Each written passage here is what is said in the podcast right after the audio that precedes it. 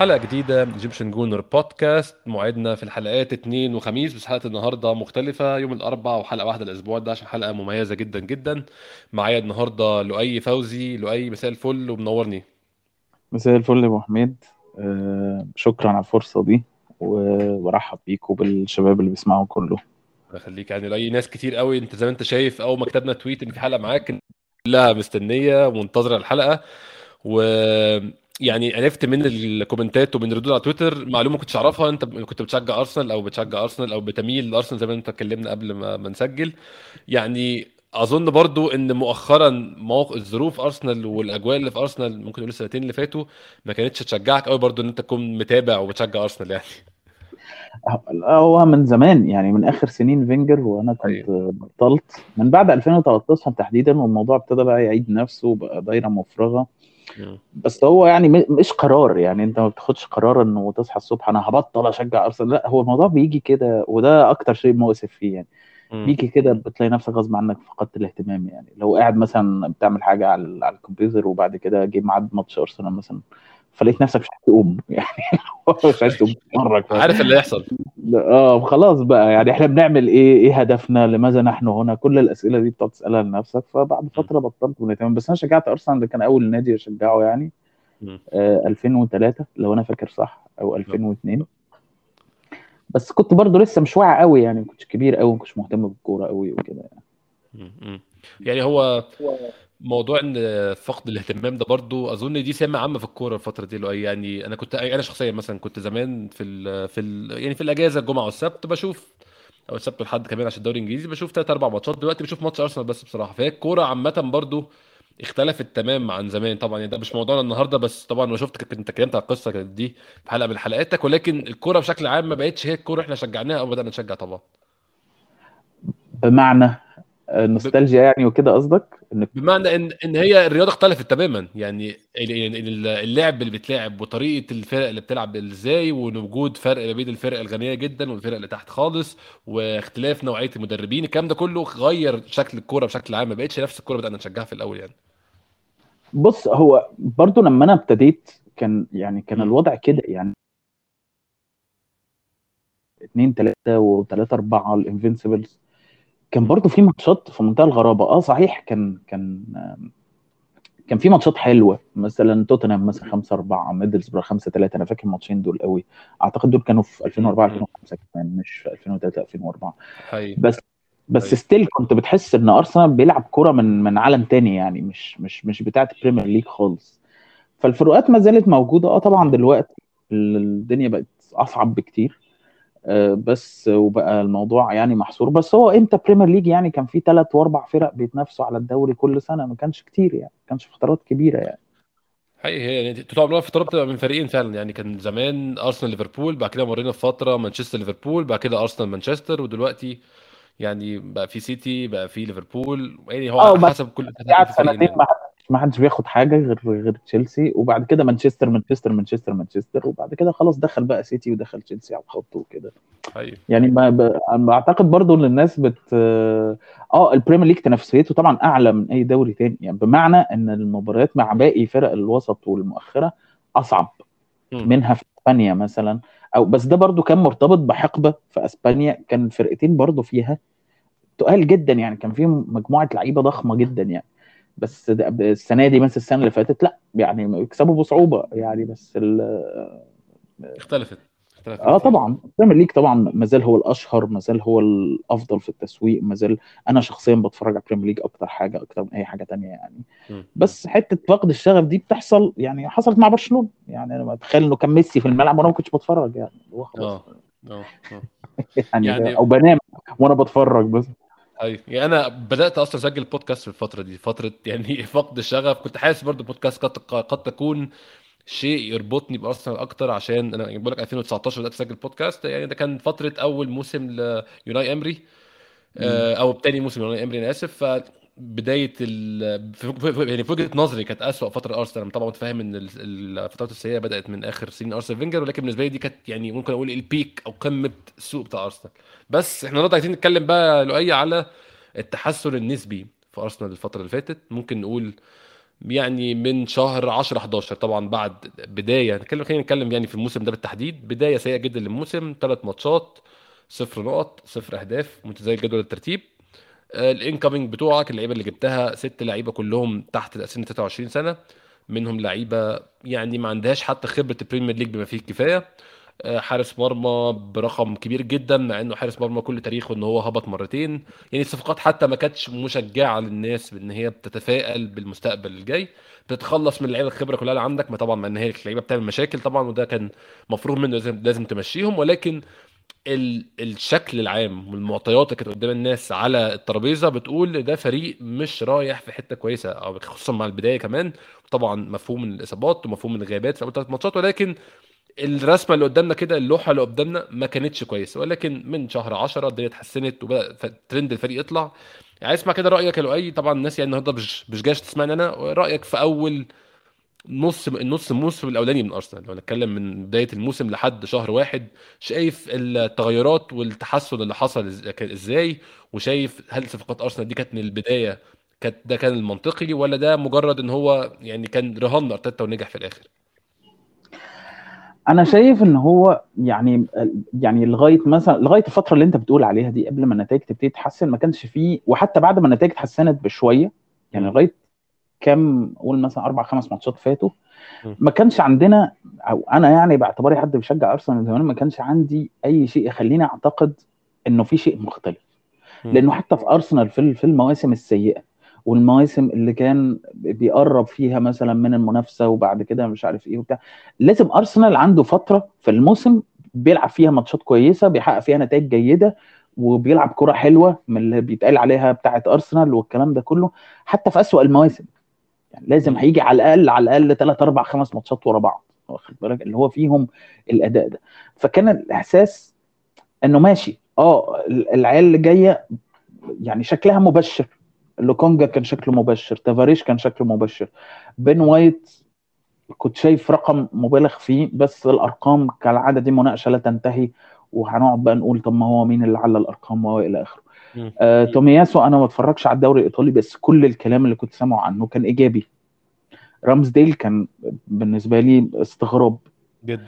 جدا. وده الوقت اللي أنا عملت فيه الحلقة اللي هي بتاعت ألم نفس حروف أمل وبتاع والناس زعلت ومش عارف إيه طب وأنت بتتكلم كده ليه ومش عارف إيه. في الحقيقة اللي كنت مستغربه في الوقت ده إن الناس كان عندها أمل إنه يحصل شيء مختلف. بس يبدو إنه أرسنال السنة دي بيعمل شيء مختلف وأنا مش مع ال... مش مع الكلام إن هو الفرق في النقط أو الفرق في المركز أو كذا لسوء المنافسين. لأنه دي حاجة صعبة قوي الحكم عليها إن أنت تقول المنافسين على ال top four السنة دي اسوء من السنة اللي قبلها أو كده. بس منطقيا توتنهام مفروض معاهم مدرب أكتر تطورا أكتر حداثة بتاع مشاكل آه وبتاع وكل حاجة. أكتر خبرة. لا يعني مقارنة بمورينيو يعني مش أكتر آه. خبره آه. بس أكتر بس بارتيتا آه آه لا لا قصدي مقارنة بالسنة اللي فاتت يعني م. لكن أرسنال فيه تحسن واضح في النتائج وفي تحسن واضح كمان في ال structure وفي حاجات كتير من اللي راهن عليها أرتيتا عملت مفاجآت يعني أنا بصراحة ما كنتش متخيل ابدا إن أوديجارد يوصل للمستوى ده هي. يعني أوديجارد السنة دي مش بس بيفكرني بأوزيل في, في أحسن مواسمه لا هو كمان اوديجارد في حتة كده إيه روقان المزاج. فابريجاس لؤي بصراحة. آه بس في روقان كده في اللي هو إيه على شعرة الاستهتار اللي هو يعني إيه أيوه أيوه. آه كأن حد كبير بيلعب عيال صغيرة في حجز. آه اوديجارد كمان مجهوده أكبر بكتير من أي حد من ال من من أوزيل أو أو أو الناس دي. آه وده برضو ساعد فيه إن هو في الفترة بتاعت سوسيداد قعد فترة كان بيلعب أحيانا 8 في 4 3 3 وكان بيرجع يدافع وكان بيضغط و إلى آخره. رامزديل برضو كان مفاجأة. آه ففي ناس كتير يعني من اللي راهن عليهم أرتيتا بقوا أفضل. بس اللي ناقص مازال كتير. بس أنا متحمس يعني من اللي بشوفه في الأرسنال يعني آخر مثلا ثلاث أربع ماتشات لا كنت حريص إن أنا أتفرج أشوف لأن أنا حاسس إن في في حاجة بتتعمل وحاسس إن في تغيير واضح يعني. قبل ما نخش في التفاصيل بس ده كان إحساسي يعني إحساسي إن هو في في شيء إيجابي المرة دي ربما تكون مختلفة. طبعا أي مشجع لارسنال بيقول الجملة دي إن المرة دي ربما تكون مختلفة بيقولها وهو طبعا إيه شايل إرث كبير من التشكك وال... وال... وعدم اليقين والى آخره. آه ولدرجة إن هو بي- بيبقى عايز يأخرها مش عايز يعمل statement زي دي إنه السنة دي في حاجة مختلفة السنة دي هنوصل Champions League السنة دي كذا لأنه خايف إن هو يحبط في الآخر. بس يبدو كده إن هو لأ المرة دي مختلفة فعلا يعني. طب شايف التغيير حصل فين يا لؤي يعني إحنا أظن متفق عليه وواضح ويعني مش محتاج إن إحنا نتكلم كتير إيه اللي وصلنا لهنا. اللي وصلنا لهنا recruitment خاطئ وشراء لعيبة آه، مش على مستوى احتياجاتنا ده رقم واحد. واثنين لعيبة مش بال profiles اللي إحنا عايزينها. يعني كسنا وكمرتبات إحنا كنادي يعني موارده محدوده مقارنة بأندية تانية. وكلعيبة فين زي ما قلت سنها في يعني أنهي فترة في ال career بتاعها. وتراكم سنين من القرارات الخاطئة في recruitment وسنين من القرارات الخاطئة في آه، اعاره اللعيبة. يعني آخر أظن سنتين ثلاثة لأرسين فينجر كان فيهم قرارات خاطئة كتير.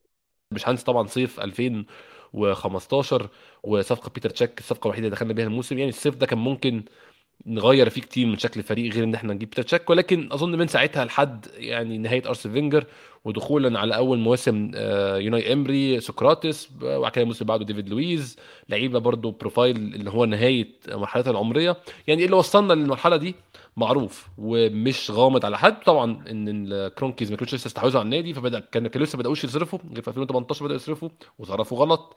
فالأسباب كتير والسيناريوهات أظن يعني اتهلكت كتير. ولكن أنت شايف إيه اللي حصل في وجهة نظرك من أول موسم طبعا هي رحلة أرتيتا ما بدأتش الموسم اللي إحنا فيه لكن بدأت ديسمبر 2019 ممكن نقول دلوقتي سنتين وثلاث شهور رحله أرتيتا مع أرسنال.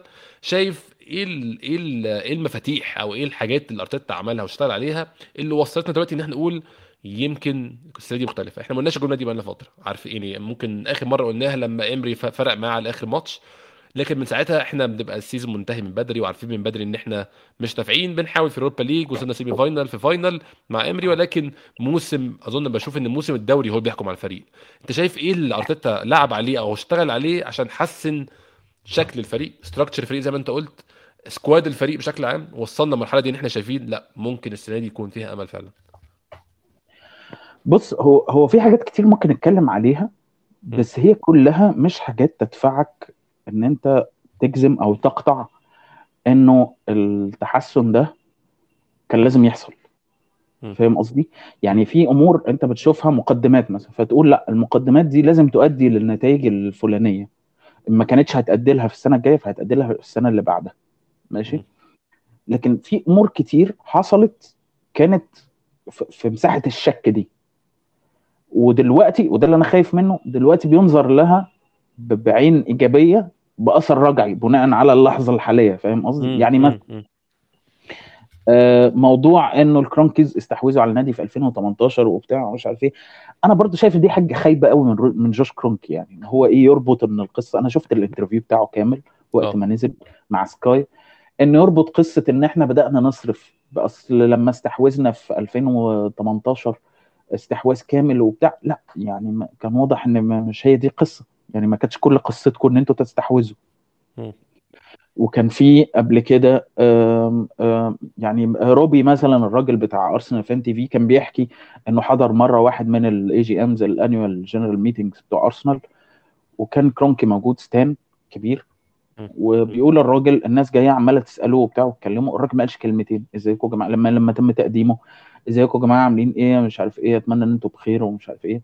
وسكت بقية. بقية الاجتماع كله آه وحتى الناس وجهت له أسئلة وهو رفض يرد غير؟ مهتم ممكن أنت يعني في بقى مؤشرات يعني أنت كل دي تخمينات هل الموضوع مثلا مرتبط بأنه الاستاد بتاع ال LA Rams اللي هم النادي بتاع بتاع كرونكي خلص وبعض ال- الناس بتقول إنه كان آه آه الاستاد ده كان عامل مشكلة مادية وبتاع لغاية ما خلص وهو دلوقتي أحسن استاد رياضي في العالم كله وهم كسبوا السوبر بول آه السنة دي أعتقد لسه كان قبل ماتش واتفورد أو كده. أيوه حقيقي. إنه في في تغيير وبعدين برضو كرونكي اتكلم على إن إحنا عندنا موديل في آه، في أمريكا بنطبقه في بعض الأندية وعايزين نطبقه في أرسنال. أنا حاسس إن في shift في في طريقة ال- الإدارة في التعامل مش بس مع أرسنال مع كل ال franchises بتاعتها. كرونكي كان بيتضرب بيه المثل إنه الرجل الذي يملك أندية كثيرة جدا في رياضات مختلفة. يعني عنده نادي في كل حاجة في ال ice hockey في ال American football في البيسبول في. في ال basket وأرسنال في الكورة. ولكنه لا يفوز بأي شيء. يعني لدرجة إنه كان في ناس بيقولوا إن هم آه، روبي حتى كان بيقول إن هو لما راح أمريكا بعض مشجعي أرسنال الأمريكان قالوا له ده أرسنال ده أنجح فريق بيملكه كرونكي واخد بالك؟ ف بس في الفترة الأخيرة لا السوبر بول ده أكبر جايزة يمكن أو أكبر آه، كاس ممكن تكسبه في الرياضة الأمريكية بشكل عام يعني. أرسنال برضو لما أنت تبص على السنين اللي فاتت تحس إن هو آه لا أكتر نادي من أكتر الأندية اللي صرفت. الصيف اللي فات كان أكتر نادي صرف net spend يعني في أوروبا كلها. هل ده له علاقة ب shift الإدارة؟ كل الناس حاسة إن في shift شوية وإنه ستان كرونكي حاجة وجوش كرونكي حاجة تانية. بس هل ده مجرد تغير في الشخصية ولا تغير في ال policy بشكل عام؟ إنه الراجل ده جوش كرونكي بيعرف يتكلم بشكل أفضل؟ يعني ما أنت ستان كرونكي عمل كام interview من ساعة ما ما دخل في النادي؟ أنا ما. افتكرلوش interview واحد. إنما جوش كرونكي قعد رد على أسئلة صعبة. يعني جيف ريفز بتاع سكاي ده سأله أسئلة صعبة جدا. زنقوا فعلا أيوه. وهاجمه وبتاع ومش عارف إيه. والراجل كان ماسك نفسه وكان بيرد. ولحظات قليلة اللي أنا حسيت فيها إن هو بيحور أو بيكدب. من, من ال body language بتاعته يعني أيوه فاهم قصدي؟ فدي من ناحية هل ده له علاقة بال... بال bid بتاع دانيال اك بتاع سبوتيفاي في أول الصيف.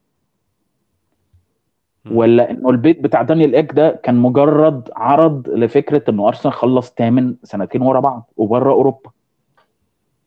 فاهم قصدي؟ يعني في أمور كتير أنت تقدر تقول إنها تسببت في الوضع الحالي إنه في control لأرتيتا هو اللي بيحدد مين الأسماء اللي تيجي بشكل أساسي بس أنت still حاسس النادي ال direction بتاعه ما أنتش عارف مين اللي بيسوق فاهم. قصدي؟ يعني دي المشكلة يعني هقول لك حاجة مثلا. إيدو مثلا أول ما جه okay. الكلام إن أنا عايز أشتغل مع ستاتس دي ان إيه أكتر عايز مش عارف إيه عايز مجموعة قليلة من الناس بمسؤوليات ضخمة ودي الطريقة اللي أنا بفضلها في الإدارة وإلى آخره ماشي. في يناير السنة اللي فاتت مش يناير اللي فات ده اللي قبله. سارة رد اللي هي بتاعه ستاتس دي إن إيه مشيت. مشوه أيوه ولم يعلن عن استبدال. يعني أنا كان أنا كان عندي مشكلة مع ستاتس دي إن إيه إن هي شركة تعبانة. okay؟ ربما كانت تكون اختراع أو ابتكار جديد في 2013 و2012 ساعة ما فينجر اتعامل معاها. لكن بعد كده الشركة دي ما اتطورتش بأي شكل ما خدتش شغل مع أي أندية مهمة إحنا نعرفها في أوروبا. okay؟ جيسون روزنفيلد راجل مش مشهور عنه إن هو راجل innovative أو بتاع أو عنده أفكار أو حاجات جديدة زي كده. ما هواش مثلا زي آه، تيد ناتسون مثلا بتاع بتاع بتاع ستاتس بومب وال team بتاع ستاتس بومب. okay؟ لكن الشركة دي كان عندها شخص واحد هو اللي ممكن تقول إن هو ممكن يزق ال department دي لقدام مين هو الشخص ده؟ هو ساره رد الشخصية التي ينسب لها إنها أول من ابتكر فكرة الاكس جي أساسا في 2011 من زمان قوي أيوة. واخد بالك؟ ف الست دي مشيت وراحت. قالت على تويتر أنا هشتغل في all-star team ومش عارف إيه. ما أعرفش إيه اللي اشتغلت فيه بعد كده. ما أعرفش يعني رسيت على إيه. لكن بعد كده ارسنال ما عينهاش. هل ارسنال بيستخدم ال data؟ أنا متأكد يعني مفيش نادي دلوقتي ما بيستخدمش ال data بس الفكرة أنت بتستخدم ال data دي لأي extent وهل الناس دي ليها كلمة ولا ملهاش كلمة؟ و و و إلى آخره. وهل ال data بتاعتهم مفيدة أصلا ولا مش مفيدة؟ لأنه مرجع بي- ولا مصدر يعني بشكل من الأشكال؟ بالظبط. لا وهل هم بعد ما بيعملوا ال research بتاعهم هل هم ناس مفيدين ولا لا؟ لأنه الناس م. بتوع StatDNA دول آه، هم اللي نصحوا ارسنال آه، فينجر يعني إنه ما يتعاقدش مع دي بروين إنه ما يتعاقدش مع جريزمان لنفس السبب إن هم مصطفى وتشاكا برضه. آه إن هم كانوا شايفين إن الاثنين دول مش هيقدروا يجاروا ال- Premier League وقت ما كانوا متاحين يعني مش بقول إن هم أنا لما كان يعني ده في فولفسبورج ولما كان الثاني في الاتليتي وكان. جت فتره كان في كلام كتير فعلا على جريزمان. فده من ناحية ال data مثلا. من ناحية الإدارة نفسها آه، ريتشارد جارليك لما جه برضه شخص ال CV بتاعه مش مبهر قوي. يعني إيه يعني اشتغلت آه، مدير لمليون حاجة في وست بروم 8 سنين وبعد كده اشتغلت في البريمير ليج أيوه. فاهم قصدي؟ مش حاجة. لكن يبدو إن الراجل عامل شغل ويبدو إن في focus دلوقتي على ال- home-grown اللعيبة ال home-grown وبتاع والقصة ليها تعقيدات ليها علاقة بالبريكزيت وبتاع وحاجات زي كده. فال وفي نفس الوقت ما فيش حد ماسك ال data department أو ال data science دي حد بتقل الناس اللي موجودة في سيتي أو اللي موجودة في ليفربول فاهم قصدي؟ ما تحسش ده موجود. لكن يبدو أن التفاهم بين الثلاثه دول وده اللي قاله جوش اللي هم أرتيتا وإيدو و... و... وجارليك ممشي التعاقدات على الأقل بتاعة النادي في السكة المفيدة اللي هو إحنا الراجل ده جاي فهنجيب له اللي هو عايزه okay؟ حتى لو بأرقام هنصرف رقم إجمالي يعني كبير وهنشوف بعد كده إيه اللي هيحصل. وده شيء كويس يعني ده على الأقل إنه في direction آه أنت مش النادي ك hierarchy وك structure ما هواش مثالي. لا في أحسن من كده طبعا ممكن يتعمل. okay. بس still أنت عمال تتنقل بين models إدارية مختلفة بدون عمود فقري يعني أنت رحت من المرحلة اللي هي آه، إيدو جه وجه آه، حسام فهمي وجه آه، اسمه إيه؟ قبليهم راؤول سنلهي آه آه و- وسنليه كان معاه في نفس آه. الوقت يعني حسام آه. فهمي كان ماسك ال contract وسنليه كان هو اللي ماسك مش عارف حاجة كده ملهاش معنى بس المهم يعني إن هو بيتفاوض في آه. الانتقال آه هو جاي عشان بس معارف و connections بتاعته بشكل عام مش يعني فاكر اسم ال title إيه. أنت الأول قبليها كنت data وسفين مسلنتات ومش عارف إيه و إلى آخره يا جماعة وهنرشح وبتاع وبعدين قمت رادم ده وقمت جايب سنليهي وحسام فهمي وبقينا معتمدين على ال connections agents. آه. آه بالظبط. وال connections وإنه فلان جه و- وإن فلان ده نعرفه ومش عارف إيه وكذا وكذا وكذا. وخلاص ردمنا على فكرة ال scouting واللي هو بال- بال data وسفن سلنتات وال tool اللي كان عاملها وكل الكلام ده كله. وبعدين انتقلت ل system تاني إنه لأ إن في إيدو وفي جارليك وفي ارتيتا في حتة في النص. برضه لاي من غير ما اقطعك إن هو ارتيتا كان أول موسم head coach وفجأة قررنا خلينا manager برضه تاني موسم على طول. بالظبط. ف بس ده بس ده تدرج منطقي يعني مش منطقي برضه إن أنت هتجيب أرتيتا من مساعد جوارديولا تحطه manager على طول. آه حقيقي أرتيتا نفسه في حاجات كتير بت... بتتطور. يعني أرسنال من ساعة ما بدأ أرتيتا كان مميز جدا في ال build-up ولدرجة إنه ال build-up كان بيتحكم في مراحل كتير جدا من ال game وكان في الجملة الشهيرة اللي بتاعت إن إحنا بنطلع على تيرني فالكرة تتعكس أو بوكايو مثلا ينزل ثالث في النص لما كنا لما كان أرسنال بيلعب 3 4 3 يقوم نازل مستلم ولافف ومش عارف إيه وبعدين الكرة هوب تروح الناحية الثانية بعدين ترجع عند أوباميانج واحد على واحد يقوم ماشي بالعرض وراكنها اللي انت خدت بيها بقى الكاس وخدت بيها ال Community Shield وكل الكلام ده. بس بعد كده لا بقى في تطور في مراحل أكتر وده منطقي وطبيعي بالنسبة للمدرب مهما برضو كان كويس أو أو ممتاز أو عنده معرفة آه، قبل ما يمسك الشغلانة فهو أكيد. في حاجات كتير هيتعلمها في الشغلانة. يعني ما أنت. بت learn on the job كده زي ما بيقولوا. بس ال- ال- القلق أنا بس القلق إنه إيه؟ إنه زي ما كل ده بيفسر بشكل إيجابي دلوقتي في, في ظل النتائج اللي حاصلة ممكن عند لحظة ما يفسر بشكل سلبي في ظل فترة تانية سلبية لو لا قدر الله مثلا أرسنال ما طلعش ال Champions League السنة دي أو أو أو أو أو حصل أي شيء واخد بالك. وفي أرسنال دايما غير باقي الأندية في variables ومتغيرات كتير جدا بتتحكم في قصة النتائج عاملة إزاي. أهمها مثلا على مدار السنين اللي فاتت دي كلها كان الإصابات. حقيقي وأيام فينجر إن أنت بيجي لك فترة في إصابات ضخمة جدا فخلاص ما أنتش قادر تحكم على أداء النتيجة وعلى أداء الفريق. هو ده إحنا كده يا جماعة بسبب الإصابات مؤثرة فعلا ولا الإصابات دي ما هي إلا عرض لمرض مستمر إن الفريق ده بيفقد شخصيته بيفقد تركيزه وإلى آخره في مراحل مهمة من الموسم وبينهار وكل الكلام ده كله. فهل في تغيير حاصل؟ آه في تغيير حاصل. جوش كرونكي دليل على التغيير. النجاح بتاع وبرضه الفرقة بتاعتهم بتاعت ال- الهوكي آه، متصدرة الدوري دلوقتي. وفرق مريح وبتاع مرشحه إنها تكسب. فيبدو إن في في تغيير على على اتساع ال franchise اللي ماسكه كرونكي بشكل عام KSE يعني. أيوة. okay؟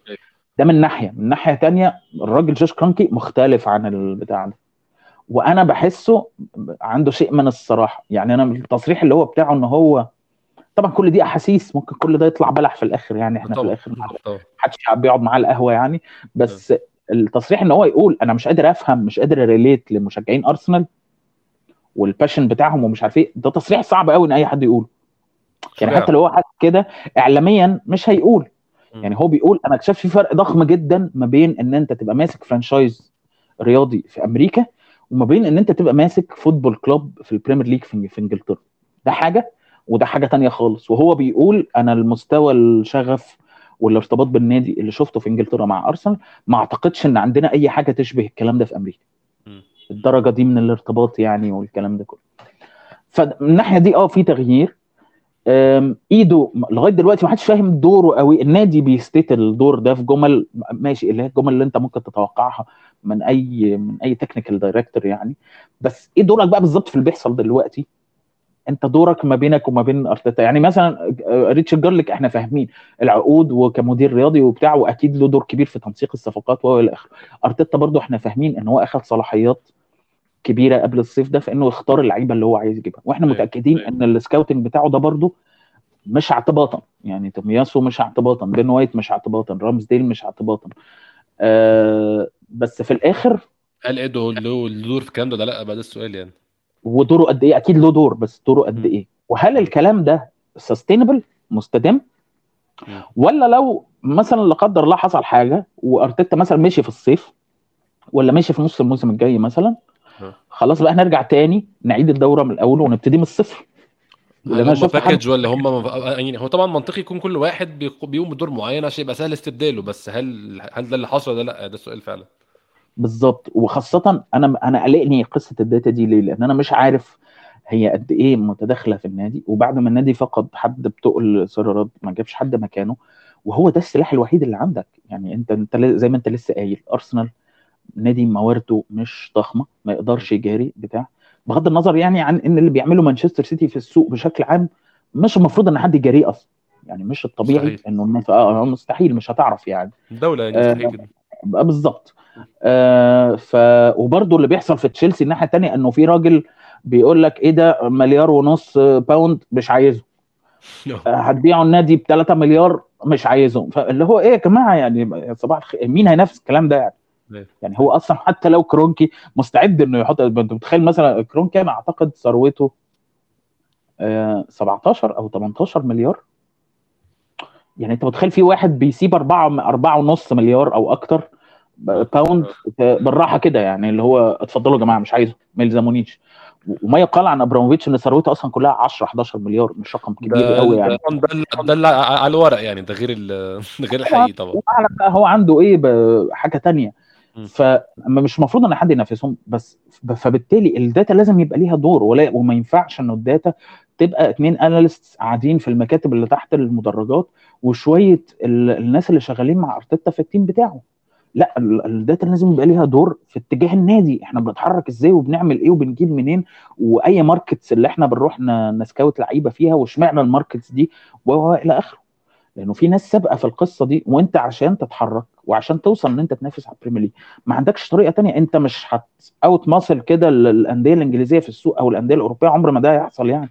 أيوه أيوه بس ف آه إحنا حاسين إن في تغيير بس الواحد خايف بس إن هو إيه تحس النادي ما فيهوش انكر كده زي ما بيقول مم. مم. يعني مين مين يا جماعة اللي هو سايق ايا كان اللي حصل طب انت انت أنت مش شايف إن هو أحسن إن هو إن هو ما يكونش في حد حجر أساس وإن يكون المشروع أو. يعني البروجكت اللي هم بيعملوه قائم على أفراد كل فرد يعني زي أي شركة زي الشركات اللي هي مش يعني طبعا هو يعني يعني التشبيه قد يكون مش مش 100% آه، دقيق ولكن زي أي شركة بيبقى في موظف كل موظف مسؤول عن مجموعة حاجات فالموظف ده يوم ما بيقرر يمشي أو يوم ما إحنا بنقرر نمشيه بنستبدله بموظف بيقوم بنفس المهام وده لا يؤثر على شغل باقي الموظفين. مش حاسس ممكن يكون ده اللي بيحصل؟ كنت أتمنى ده تبقى ال case لو كان ال owners عندهم فكرة. فاهم؟ يعني ال owner ما هو أصل مين اللي ثابت في الناس دي كلها؟ لو كلهم مشوا هو مش هيمشي غالبا ال owner ال owner هنا في الحالة دي هو راجل عايز ي empower الناس اللي بتشتغل بس هو ما عندوش فكرة. يعني ما هو هو مثلا هيقول لك إحنا عايزين. موديل هو حتى لما بيجي يشرح بيقول لك إحنا الموديل بتاعنا و- وحتى لو عنده فكرة في الكورة مش مع مش معقول يكون عنده فكرة عن كل الرياضات اللي ال KSE بتمتلكها آه ice hockey و American football و basketball و... وأما... وكل الكلام ده و... و... وكورة مش معقول يكون عنده فكرة عن الكلام ده كله فهو الموديل بتاعه مالي وهوياتي كده اللي هو إيه زي ما هو قاعد يقول إن إحنا هنجيب لعيبة صغيرة في السن آه، نبني للمستقبل هنجيب لعيبة آه، موهوبة هنجيب آه، هنساعدهم ومش عارف إيه. وده كل دي اختيارات منطقية جدا بالنسبة للأندية لسه بتطلع من تحت التراب. إن أنت تجيب لعيبة آه تجيب لعيب زي بين وايت تجيب لعيب زي نونو تافاريش تجيب لعيب زي تومياسو لأنه أنت مش اللي أنت كنت ماشي بيه قبل كده. إن أنت تجيب لعيبة آه، مرتباتها ضخمة أو تسيب اللعيبة تتخن عندك في الفريق كده زي ما بيقولوا لغاية ما مرتباتهم تبقى ضخمة آه. فتخسر في الريسيل بتاعهم ولما مستواهم ينزل تبقى أنت كمان بتخسر في المرتب. بتدفع لواحد مرتبه مرتب ضخم جدا زي اوباميانج ما بيلعبش كورة وفي نفس الوقت ما انتش عارف تخلص منه.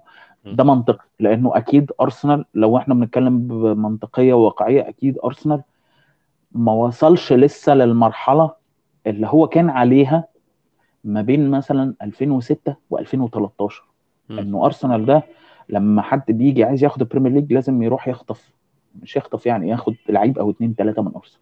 آه. أرسنال في طول السنين اللي فاتت دي حتى دي فقدها.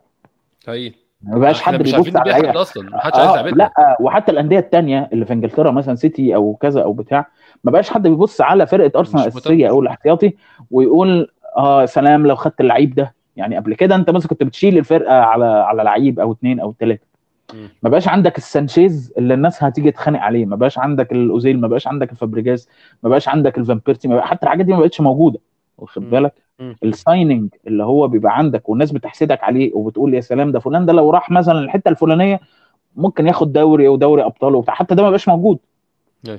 لعيب معين الكبار بيحسدوك عليه دلوقتي فهم طبيعي إن هم يتوقعوا إنه ده هيحصل في المستقبل إن الفرقة دي لما تستوي وبتاع وتقدم أداء وبتاع هتبتدي تلفت أنظار بعض الناس اللي هم هيبقوا ساعتها في مستوى أعلى سواء بقى كان ناس مدريد بايرن ميونخ سيتي ليفربول نفسهم ايا كان هيبتدوا يلفتوا نظر الناس دي بس إحنا ما وصلناش لسه للمرحلة دي ف.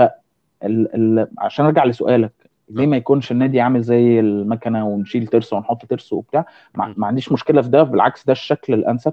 بس لازم يكون في حاجة بتقود.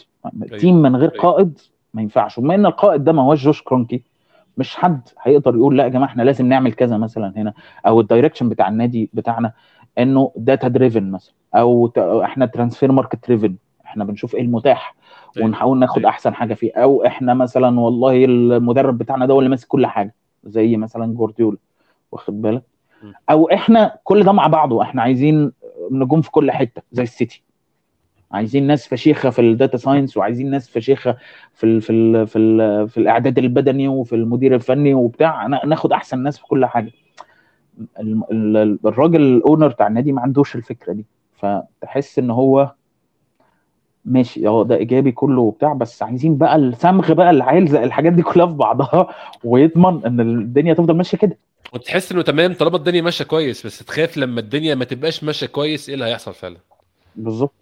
هي هي طب لو خلينا بقى ناخد الكلامنا في اتجاه تاني وفي حتة تانية عشان عندنا برضو سؤال هو إحنا طبعا عندنا أسئلة كتير جدا بس في سؤال معين من اف بي ال أرتيتا ات اف بي ال فودن بيسألنا إيه رأي لؤي في تعامل أرتيتا مع أوباميانج؟ أنا عايز آخد السؤال ده وأفتح بيه موضوع تاني موضوع تعامل أرتيتا ك manager أو كمدير فني مع الأفراد ومع الشخصيات. يعني إحنا شفنا يعني أرتيتا خد لقب بمدرب الصدامي من ساعة ما بدأ. طبعا طلع عنده حق في آه، في cases أو في يعني في قضايا كتير جدا. وفي قضايا تانية الناس لسه عندها مشاكل معاه وناس كتير بتتكلم فيها. يعني على يعني على سبيل المثال مش الحصر آه، جندوزي ويليام صليبه لسه مش عارفين آخرته إيه لحد دلوقتي. آه، مسعود أوزيل وقت موضوع تخفيض الرواتب. آه، أوباميانج لسه من شهر شهرين.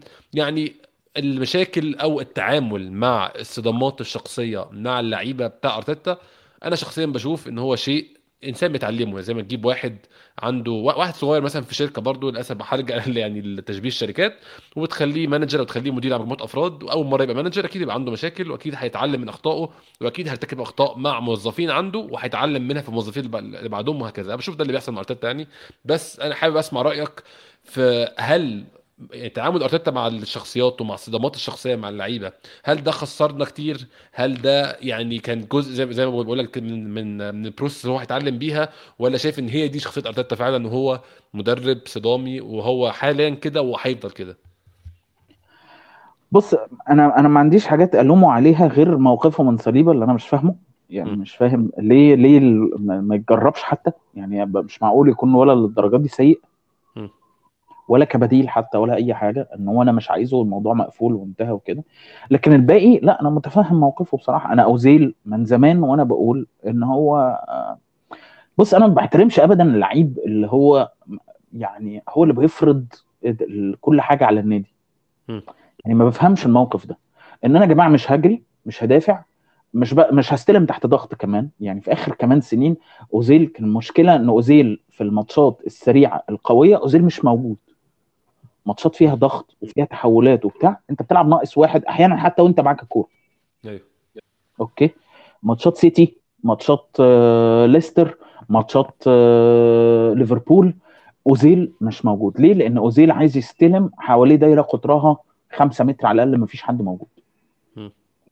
فأنا ما أنا كنت شايف إن أوزيل خلاص انتهى كلعيبة إن الطراز ده من اللعيبة انتهى أصلا. ما بقاش في حاجة اسمها كده ما بقاش في حاجة اسمها إحنا يا جماعة عايزين نواجه low block وأنا هفضل اتنطط كده من ناحية للتانية وبتاع لغاية ما تطلع فرصة إن أنا أعمل ال pass الخزعبلي هعمله. وربنا يسهل بقى يجي ولا ما يجيش. ده من ناحية أوزيل. من ناحية أوباميانج لا طبعا. يعني موضوع واضح جدا. وكذلك جندوزي. يعني أنا برضو مش شايف يعني شايف إن الشدة دي لا بالعكس أرسنال كانوا محتاجين الشدة دي. حقيقي حقيقي. فريقه كنادي. يعني بالعكس أرسنال كان بيتضرب بيه المثل في إنه الدنيا يعني مريحة خالص. والكلام اللي قاله رمزي كمان عن عن أوزيل عن أيام فينجر هو ده بالظبط اللي كان شيء محتاج يتغير. يعني إيه لعيب معاه رخصة خاصة؟ مش عايز يجي التمرين النهارده ما يجيش عايز يجي أجازات. متأخرين أجازات مش عارف إيه. بتاع إيه الهبالة دي يا جماعة؟ طب ما أنت متوقع إزاي إن الفرقة دي هيطلع منها أي حاجة؟ إن شاء الله رب اللعيب ده يا سيدي يكون ميسي مش أوزيل يكون بيليه مارادونا. ما هو ده أسوأ بكتير من اللي هيطلعه لك أوزيل. وفوق كل ده حتى لما كان أوزيل عنده ده ال- ال- السيفتي نت دي كانت موجودة طول الوقت ما كانش بيديك كل موسم. كان بيغيب ماتشات كتير مع مع أصل فينجر أصل ظهري أصل رجلي. بالظبط. وكان ممكن موسم يديك نصه وما يديكش نصه التاني وهكذا. أو ما يبقاش موجود. فال لا أنا شايف إن أرسنال بالعكس أرسنال كان محتاج الشدة دي. أرسنال كان محتاج آه مدير فني. يبقى عنده القدر ده من التحكم إن هو يقول لا اللعيب ده ما يكملش. ده أول حاجة ده ألف ب المدرب لازم يخشها. يعني حتى أنا فاكر The Secret Footballer كان بيحكي مرة إنه في مدربين بيخشوا يعملوا اللقطة دي حتى لو ال squad ما فيهوش مشاكل. آه أنت بتلاحظ ده كتير بتلاحظ ده كتير مع جوارديولا بتلاحظ ده كتير مع مورينيو وهم يعني كشخصيات وكتاريخ وكإنجازات وبتاع. أكتر بكتير يعني مفيش مقارنة بينهم وبين أرتيتا. بس إن أنت زي ما بيقولوا كده to assume control أول ما تخش ده طريقة لإظهار للعيبة إنه في era جديدة بدأت في حقبة جديدة بدأت. وطريقة لتوصيل رسالة إنه الإدارة يا جماعة واقفة ورايا مش العكس. وإنه مفيش back channel مفتوحة ما بين اللعيبه والإدارة. بيحصل في بايرن في لحظات كتير. لما كان. أنشيلوتي. موجود لما كان نيكو كوفاتش موجود الناس دي ما خدتش عمرها دعم الإدارة بالعكس الإدارة كان يعني أنشيلوتي كان مرة قاعد في في الاجتماع اللي بيعملوه بعد الماتشات ده ورومينيجه خد المايك وقعد يتريق عليه بالألماني هو الراجل كان قاعد ما فهمش حاجة والناس كلها قاعدة بتضحك وحاجات زي كده وكان بيتقال عادي كده انه والله ريبيري وروبن بيكلموا رومينيجه ويقولوا له إحنا الراجل ما مش هيلعبنا الماتش الجاي فحد ينزل يقول له لا أنت لو ما لعبتهمش مش عارف اعتبر نفسك مقال والتهريج ده منتهي أنا ما بقولش إن ده كان بيحصل أيام فينجر. بس أيوة. العكس لازم أنت ت state العكس. إن أنتوا يا جماعة الآخر بتاع ال squad ده هنا عندي. أنا هقول مين هيلعب مين مش هيلعب مين هيكمل مين مش عارف إيه. ومفيش أي طريقة تانية أنت تلعب بيها غير إن أنت تقنعني.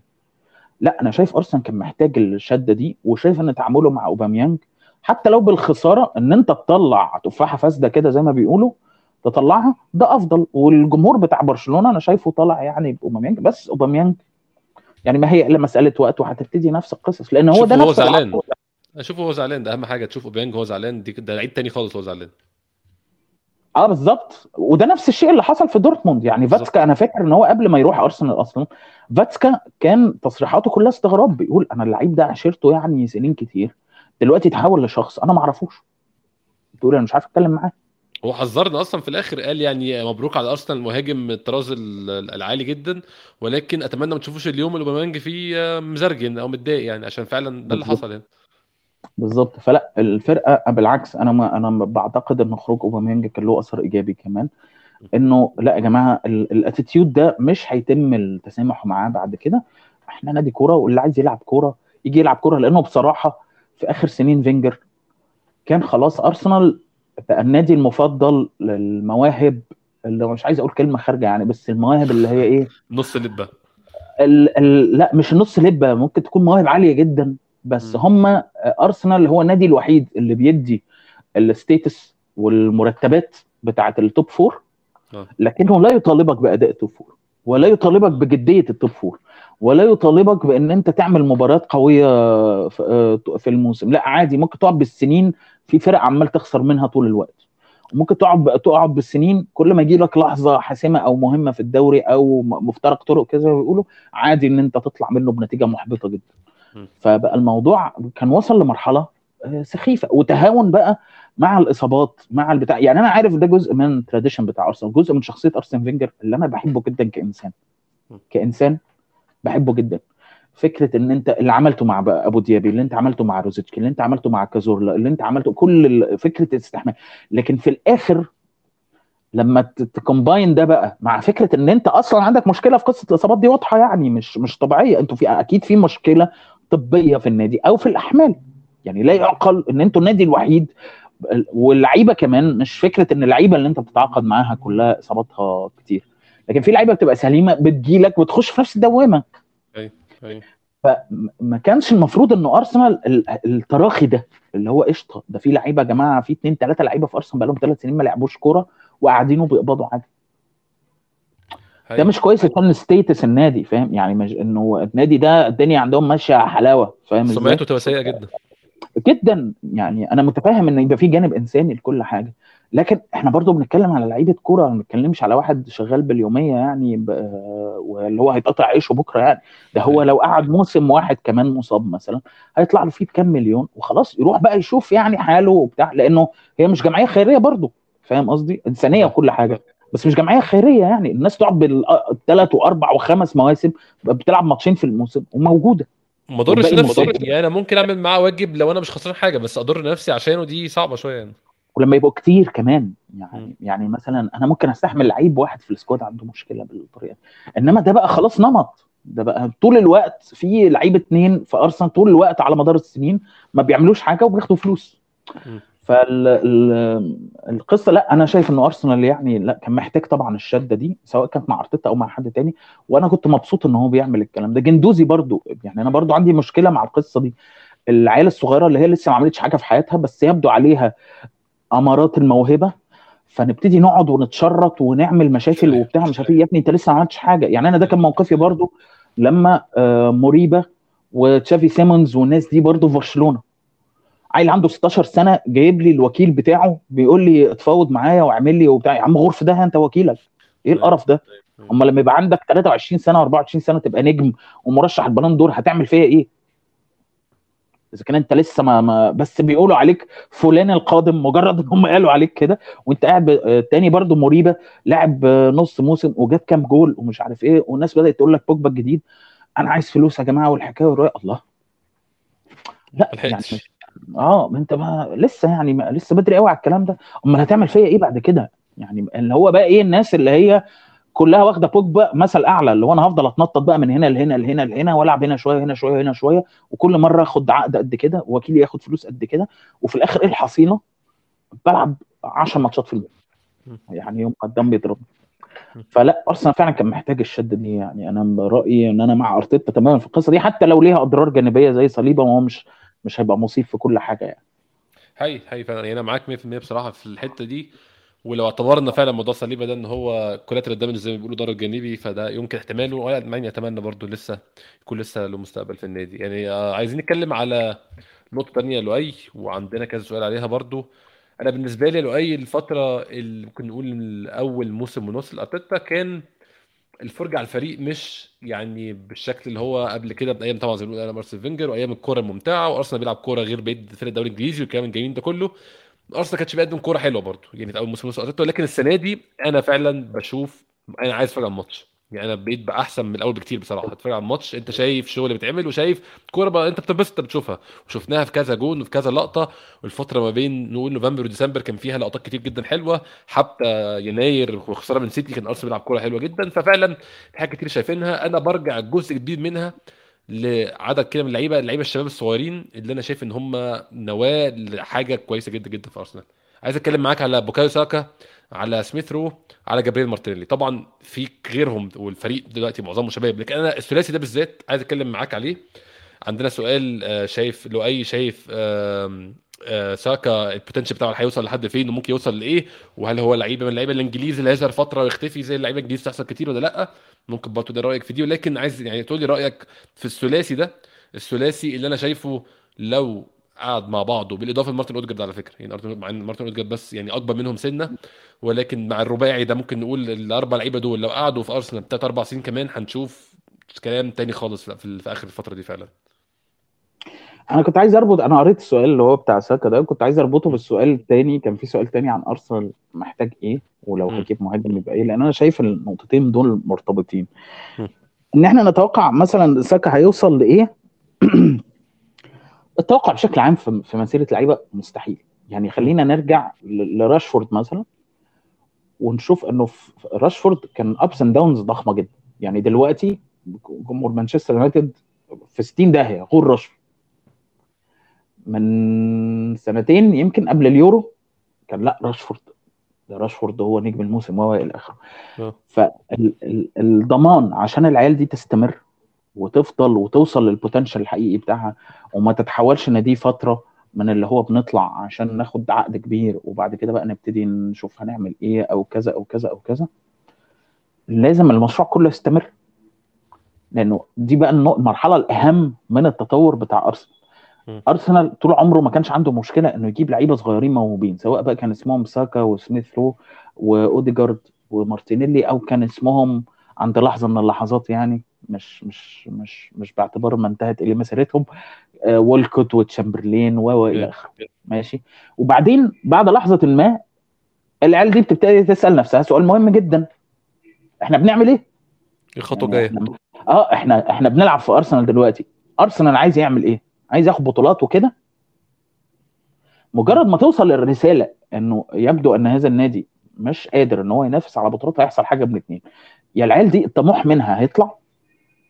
وهيقول لأ أنا عايز أنا ما أقدرش أكمل حياتي ما بلعبش Champions League ما بقدرش أكمل حياتي وأنا بروح لما بروح ال Champions League بتغلب خمسات وستات ومش عارف إيه وحاجات زي كده. أنا عايز أحسن من كده okay فهطلع. أو آه okay أنا في ال comfort zone وبتاع أنا مش متضايق أنا باخد فلوس حلوة وكده وبتاع مش عارف إيه فينتهي الموضوع للشك يريح. آه آه، بالظبط. خلاص نريح بقى اللي هو بقى إيه في آخر سنين بقى اللي هو إيه وولكوت تشامبرلين كل بقى الناس اللي فضلت ناشئين لغاية ما بقى عندها 27 سنة دي. okay؟ فدي ب- النقطة. طب إزاي العيال دي أنت تضمن إن هو يوصل لل potential بتاعه وإن هو يفضل يستمر في التطور وهو إلى آخره؟ أنا شايف يعني كذا نقطة. أول نقطة أرسنال مشكلته الرئيسية دلوقتي عشان يتحول من فريق فرحان إن هو هيخش top four لو, ربنا كرم يعني وأرسنال دخل ال top four والموسم كمل على خير.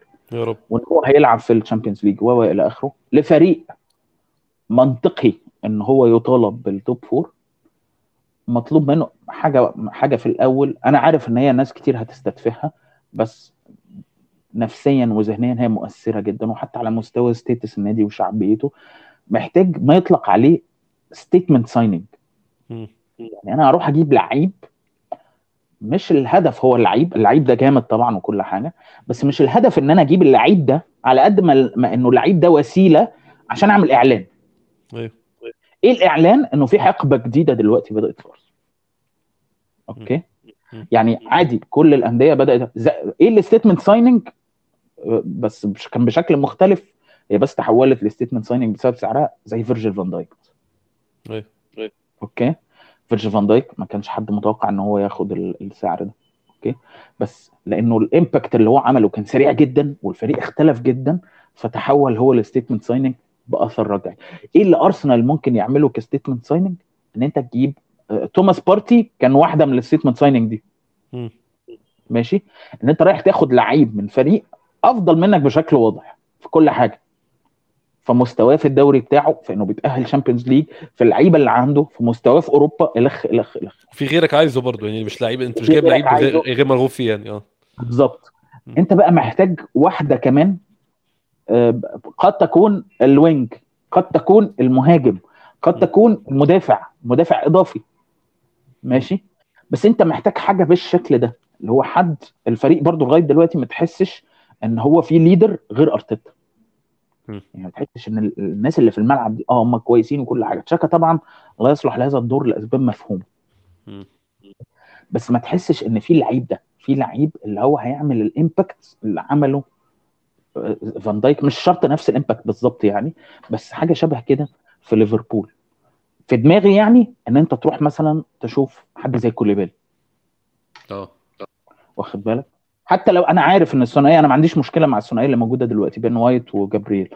التالتة طبعا في الضياع. يعني لو حد منهم اتصاب هتشوف بقى هولدنج وهتشوف بتاع. قد يكون الناس دي مستواها يعلى collectively لما الفرقة كلها تعلى لأنه الفرقة مش كلها يعني معلمين وجنرالات وطبيعي في ناس مستواها بيعلى وبتبقى كويسة لما تبقى الفرقة كويسة مش من نفسهم. أيوه.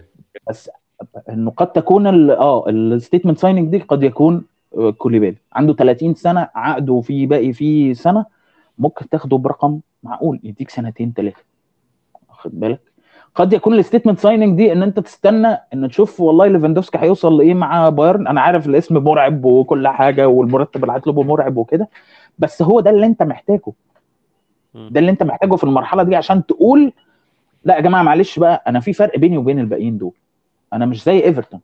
أنا مش زي ليستر. أنا مش زي ويست هام. ماشي؟ لأنه في السنين اللي فاتت على مراحل كتير الناس دي كانت بتصرف فلوس وكان في بعض الأحيان ال squad بتاعهم ممكن يبقى زي ال squad بتاعك أو أحسن. في أيوه مراكز كتير واخد بالك؟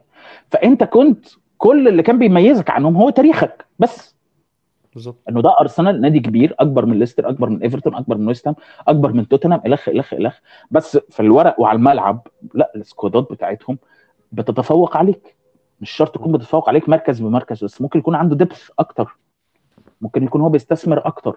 ممكن يكون ال combination بتاع ال squad مع المدرب مطلع منتج أفضل مقارنة بامكانياتهم أنت محتاج إن أنت تبتدي تفرق نفسك عن الناس دي. مش شرط يكون بتعاقد ضخم إن أنت تروح بقى تخش في هالاند وبتاع ومش عارف إيه والكلام. لكن حاجة آه، تقول إن النادي ده إحنا عايزين ناخده ل class مختلف. حاجة تلف رأس الناس يعني أيوه. آه حاجة فئة مختلفة. لعيب لما يجي بقية العيال الصغيرة دي اللي زي ساكا واوديجارد وسميث رو ومارتينيلي وبتاع يقولوا لا ده إحنا كده فرصنا اتحسنت. أيوه. لمجرد لعيب ده جه. فاهم؟ لا أيوة. إحنا كده بقى عندنا فرصة أكبر إن إحنا نبقى regular top four إحنا كده ممكن يبقى ناقصنا لعيب كمان ونخش ننافس على ال... ده مش لأنه مش أثره بيبقى في ال... إنه أنت مثلا جبت ليفاندوفسكي أو جبت كوليبالي أو مش أثره بس بيبقى انه هيدافع كويس أو هيجيب اجوان كتير أو كذا. زي فان دايك كده زي كلوب وأنت مش بتحتاج يعني حاجة واحدة من الصفقة دي.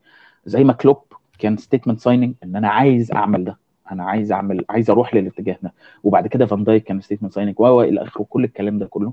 وأليسون كان statement signing ماشي. أنت بتحتاج كذا واحدة من دول عشان تأكد ال status بتاعك. إن أنا لأ أنا مش مش هجيب بقى شوية لعيبة شباب واللعيبة الشباب دول طلعوا حلوين وتمام زي الفل وبتاع خلاص بقى هننام بقى. حلو قوي إيه رأيكم يا جماعة في اللي إحنا عملناه؟ نقعد بقى كده موسمين ثلاثة فاهم؟ أنا ما أعتقدش إن هم يعملوا كده يعني. بس أعتقد إن هو الفريق محتاج signing دي, دي أول نقطة. تمام. عشان العيال دي تكمل. أنت تضمن إنها تاخد ال potential بتاعها. وعشان زي ما بيقولوا كده لعيب زي ده بيحول ال team بيخليهم يصدقوا إن هم قادرين يعملوا حاجة زي كده. ما دام هو موجود وهو وافق وهو شخص من الأفضل في مركزه في العالم مثلا وشخص سبق ليه إن هو فاز بكذا وكذا وكذا وكذا وكذا كم الدعم المعنوي والنفسي والذهني اللي هو هيوفره لعيال زي دي وحتى اللعيبة اللي اكبر منهم ضخمة جدا من غير ما يتكلم. هو مش هيقعد يحاضرهم ويقول لهم يا جماعة أنا لما كنت في بايرن عملت كذا وبتاع وخدنا ال Champions League بالطريقة دي ومش عارف إيه. مش مش ده اللي هيحصل. بس إنه اللعيب ده موافق يكون معانا موافق وع... لأنه ده معناه إن هو عنده أمل إن إحنا هنعمل حاجة. بالظبط. واخد بالك؟ دي أول نقطة. النقطة الثانية إنه أرتيتا لازم ياخد وقت. يعني. أنا أنا برضو في حد سأل من ضمن الأسئلة أنا قريت- قريت الأسئلة كلها يعني. انه هل الناس هل النادي عايز يعمل حاجة مع أرتيتا آه، زي أرسن فينجر وبتاع؟ أنا ما أعتقدش إن ده ممكن يحصل تاني في الكورة. ما أعتقدش إن في مدرب ممكن يقعد 10 سنين حتى في أي حتة لأنه خلاص الإيقاع اختلف والزمن اختلف والدنيا والناس بتزهق بسرعة و- واللعيبه نفسها بتزهق و إلى اخره وتجربة بوتشيتينو وكيف انتهت في خير مثال يعني مم. الراجل اخذهم لمساحات عمرهم ما وصلوا لها في حياتهم ومع ذلك في الآخر اللعيبة بقى كانت اللعيبة نفسها قبل الجمهور بدأت تشتكي. ولا أصل التمرينات بتاعتك intense قوي. لا أصل إحنا مش عارف إيه لا ريحنا شوية لا مش عارف إيه بوظوا الدنيا عليه وفي الآخر اللعيبة اللي كانت بتشتكي دي هي نفسها مشيت خراب من كل الجهات يعني فيرتونخن وألدر فيرلد واللعيبة الكبار ومش عارف إيه في الآخر كلها مشيت ما عادتش أيوة.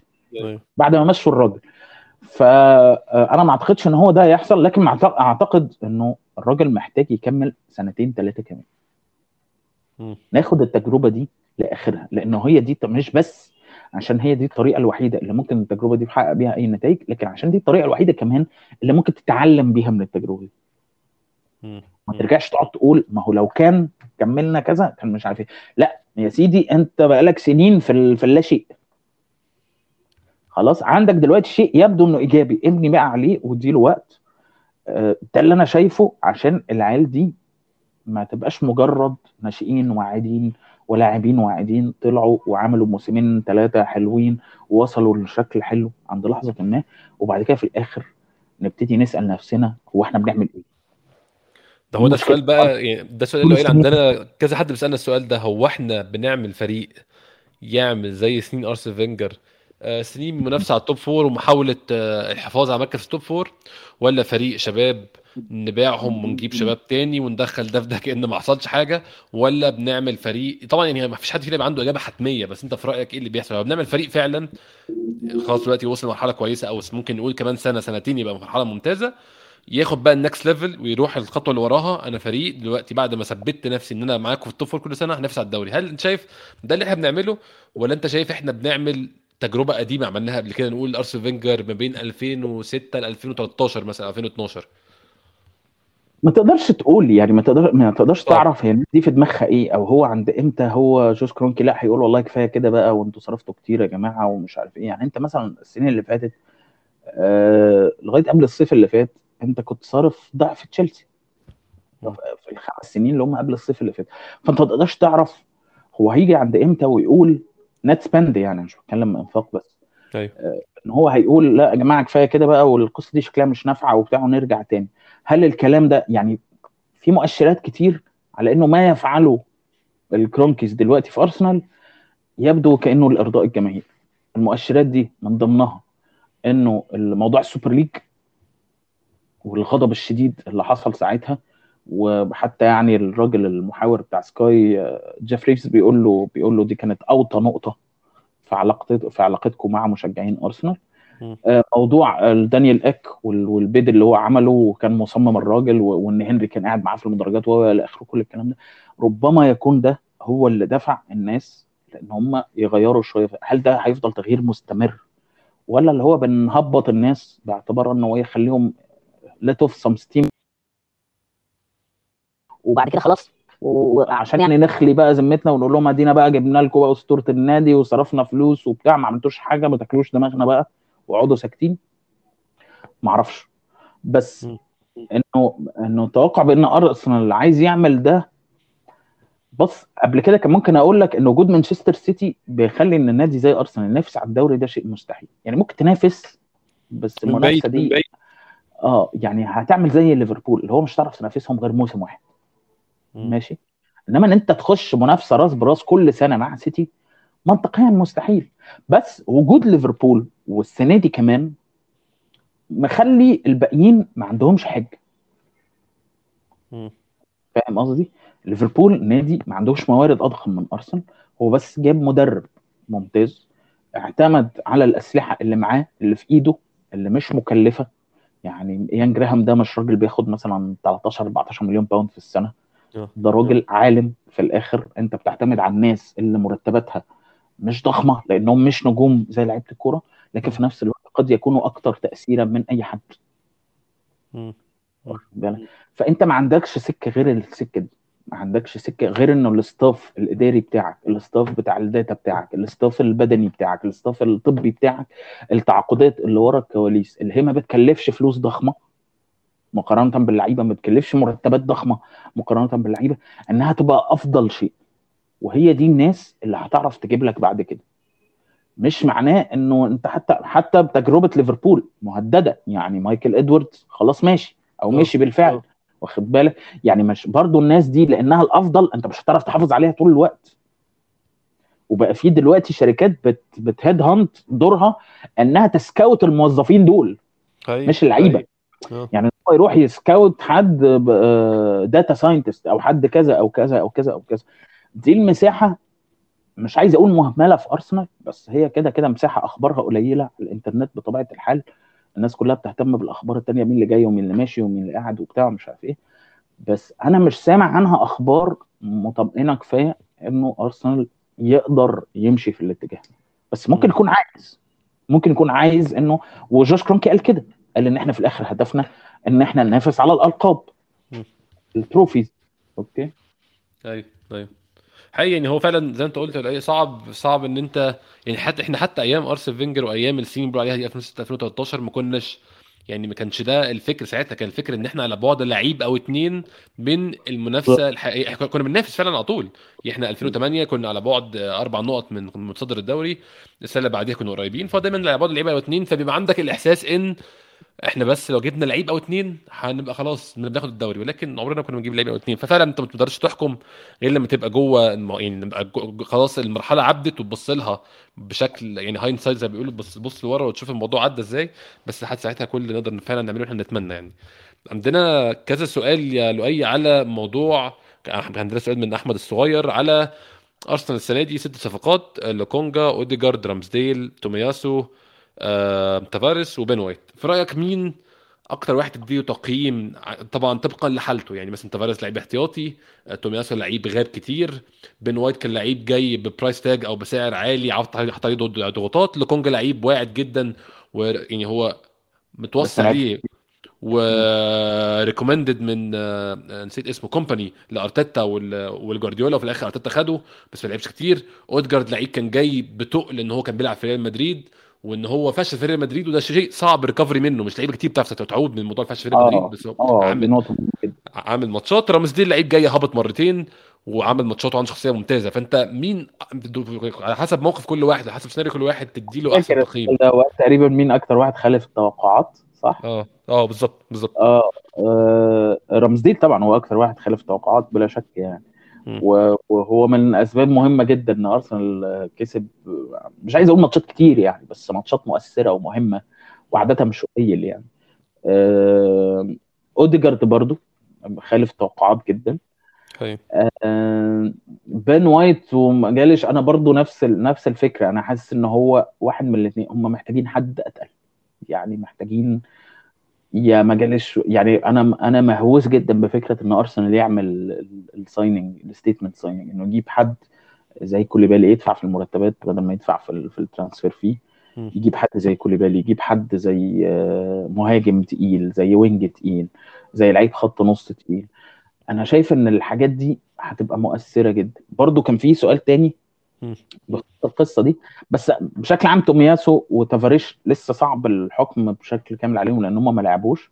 بس بشكل عام الصفقات كلها إيجابية حتى توماس بارتي اللي كان محبط السنة اللي فاتت السنة دي لأ توماس بارتي بقى ده توماس بارتي بتاع الاتليتيك هو خلاص. توماس أيوة. بارتي اللي كانت الناس متوقعاه وهي بتدفع ال 50 ولا ال 55 مليون الشرط الجزائي أيوة. آه، أيوة. أوديجارد فوق التوقعات بالنسبة لي آه، طبعا بين وايت أنا أعتقد إن هو لعيب هياخد وقت أكتر بس أنا أعتقد إن هو عنده ال potential إن هو يبقى من أحسن المدافعين في الدوري. آه، في كمان كان سؤال تاني لو أنا فاكر صح كان بيسأل أرثر ولا تيليمانس في نص الملعب؟ آه. لأرسنال. أنا طبعا شايف الموضوع محسوم يعني تيليمانس طبعا طبعا. ارثر مش لأرسنال لأي فرقة في الدنيا ارثر ده مش لو لو أنا فاهم صح إن ارثر قصدك بتاع يوفنتوس أنت مش لعيب كورة أصلا يعني أنا. استعيد جمله آه، أحمد جمال سعد الدين إن الموهبة العلقة هي موهبة لا تخ... لم تختبر أيوه يعني اللعيب اللي هو بيلعب ب... ب- عنده hack اللي هو يا جماعة بعد إذنكم أنا رايح مهرجان في البرازيل بعد إذنكم يا جماعة أنا مصاب نص الموسم بعد إذنكم يا جماعة أنا بشرب سجاير بعد إذنكم مش عارف إيه ده ده مش لعيب أصلا تعتمد عليه ودي كانت نفس مشكلتي. آه، مع كوتينيو برضه في برشلونة اللعيب اللي ما بيكمل مش قادر أصلا يكمل 70 دقيقة. هو ده لعيب لم يختبر أصلا يعني ما ما أقدرش أقول عليه ده key signing أو حاجة زي كده. تيليمانس أنا شايفه خيار ممتاز جدا. تيليمانس لو أنا فاكر صح آه تيليمانس باقي سنة في عقده. آه فاضل سنة بالظبط. ما هو الصيف ده خطير بالنسبة لليستر وت... وفاضل سنة في عقده وتيليمانس عنده 24 سنة. يعني صغير قوي. مش مش بعيد عن الفئة العمرية اللي انت بتجيبها. مم. الأهم من كل ده بقى إن رقم خبرات ضخمة جدا مقارنة بال... بال... بسنه. مم. حقيقي. يعني هو طلع من أندرلخت راح موناكو. صفقة مخيبة جدا إن هو راح موناكو. أنا أنا وقتها كان نفسي فيه يروح برشلونة. مم. وبعد كده جه ليستر. ده ثالث موسم أو ده رابع موسم يمكن ليه آه، مع ليستر. أو هو كان ماضي يمكن ثلاث سنين ونص معرفش ليه ما مضوش خمس سنين. لو أنت رحت دلوقتي ليستر هتخ... هتدفع كام عشان الموسم اللي باقي في عقده ده؟ وبعدين تيليمانس كمان ميزته لعيب techni يعني tactically ولعيب technical جدا وفي نفس الوقت مجهوده ضخم جدا. يعني بقى تيليمانس ده ال reincarnation بتاع فابريجاس أيوه. بس طبعا فابريجاس كان افضل آه فابريجاس مش هتكرر يعني. بس آه وبعدين تيليمانس بيقدر يلعب آه جنب بارتي في اثنين ويقدر يلعب في ثلاثة أيوه. يعني عنده عنده المرونة دي. لعيب ممتاز يعني ممتاز بالنسبة لأي فريق في العالم عايز لعيب خط نص. مش هيلعب ستة عمره ما هيبقى ستة طبعا. لكن أنا شايف إنه أرسنال لو دخل اخذ تيليمانس هيبقى عمل طفرة رهيبة في نص ملعبه يعني. وقعد فترة بقى بقى تيليمانس وبارتي هم دول ثنائية خط النص بتاعت أرسنال أو ثلاثة وهتلعب معاهم أي حد تاني. هترجع سميث رو 8 أو هترجع آه، أوديجارد 8 زي ما كان بيجرب أحيانا. هتبقى حاجة عظيمة جدا. في ال خلينا ناخد بقى أسئلة ال transfers كلها ورا بعضها ولا إيه؟ لا أظن يعني السؤال المهم اللي بعد الارتكاز السؤال أنت شايف مين ال profile المناسب لرأس الحربة؟ يعني عندنا عمر أنور ومصطفى ديب وإبراهيم محي. كل الأسئلة يعني الناس كتير مش مش عايز أنسى حد كلهم يسألوا إيه أنسب مهاجم. ممكن تقول لنا profile ممكن تقول لنا اسم بالتحديد شايف إن هو ده؟ طبعا إحنا شايفين لاكازيت مع أرسنال بي- بيعمل كل اللي عليه بيعمل كل اللي يقدره بس هو مش أحسن حاجة يعني. أنا فكرت كتير في القصة دي لأنه لأنه أسئلة اللي هي مين مناسب وبتاع لما بتتسأل على غفلة كده بتلاقي كل حاجة راحت من دماغك وما بتبقاش فاكر أي حد أيوة. بس فكرت فيها كتير امبارح فعلا. وبالإضافة لل إن أنا عايز إنه أرسنال يروح لحد زي ليفاندوفسكي يعني طبعا بايرن بيحاولوا يجددوا عقده وبتاع ومش عارف إيه والكلام ده كله بس إن أنت لو المفاوضات دي فشلت لأن أنا سامع إن هم عايزين يجددوا سنة بسنة وهو لأ عايز عقد أطول من كده شوية عايز مرتب ضخم وهو إلى اخره وشكل هيحصل سجه زي اللي حصلت مع ألابا كده وفي الآخر هيمشي. آه لو ده حصل وقدر أرسنال ياخد يدفع ثمن السنة اللي باقية من عقده دي وياخده هتبقى خاصة إن ليفاندوفسكي في المساحة اللي هي عنده 33 سنة مفيش نادي كبير هيروح ياخده دلوقتي وعنده 33 سنة. واخد بالك؟ ويدفع الرقم الكبير. لكن ممكن نادي زي أرسنال ي go out of his way كده زي ما بيقولوا عشان يوفر له مرتبه ويجيب لعيب بال status ده في أرسنال. بس لو فرضنا إن ده مش متاح فخلينا نفكر إيه هو المهاجم اللي أرسنال ممكن يكون محتاجه واللي يبقى لعيب مفيد. آه بيقدر يؤدي أدوار متنوعة زي اللي بيطلبها أرتيتا يقدر ينزل كور عالية يقدر يعمل combination play على حدود المنطقة وفي نفس الوقت قدراته التهديفية قدام الجول معقولة ومتنوعة. جه في دماغي ثلاث أسامي. وأربع أسامي. الرابع أنا شفتك بتتكلم على كالفرت لون. آه. آه، حسن كان متكلم على كالفرت لون. يعني حسن كان شايف إن هو أرتيتا المفروض في الصيف يروح يشوف كالفرت لون ده بكام ويدفع ويجيبه وخلاص ويخلص. أيوة. آه، ايا كان بقى ب 75 ب 100 ايا كان. بس أنا شايف إن ده هيبقى آه، رقم كبير. بس هي المشكلة إن كل الخيارات اللي جت في دماغي كلها أرقامها كبيرة وعقودها لسه ممتدة. يعني أنا فكرت في أبراهام. كواحد من الخيارات. يمكن يكون أقل خيار من ناحية المناسبة لأرسنال من وجهة نظري شغال بس هو كويس مع خيار روما يعني. آه آه بس هو خيار جيد. يعني أنا م... يعني ناس أنا قدرت إن الموسم بتاع إبراهام مع تشيلسي اللي كان كويس وكان الهداف وبتاع ومش عارف إيه ده كان بسبب إن هو مفيش لعيبة بس لأ إنه حد يروح إيطاليا ويلعب ويأدي بالشكل ده شيء مش سهل ابدا بالذات على لعيب إنجليزي صغير في السن يعني. آه إيزاك آه بس إيزاك المشكلة في برضه في التضييع الكتير إيزاك بيضيع كتير يعني السنة اللي فاتت هو جاب 17 جول وكذا السنة دي لحد دلوقتي أربع تجوال مم. بس إيزاك متنوع قوي. يعني ايزاك سريع فشخ حريف combination play ينزل يستلم يخرج من الضغط. ال one touch بتاعه ال- ال first touch بتاعه هايل. آه رجله طرشة الصراحة يمين وشمال من الأجوان اللي شفتها له يعني.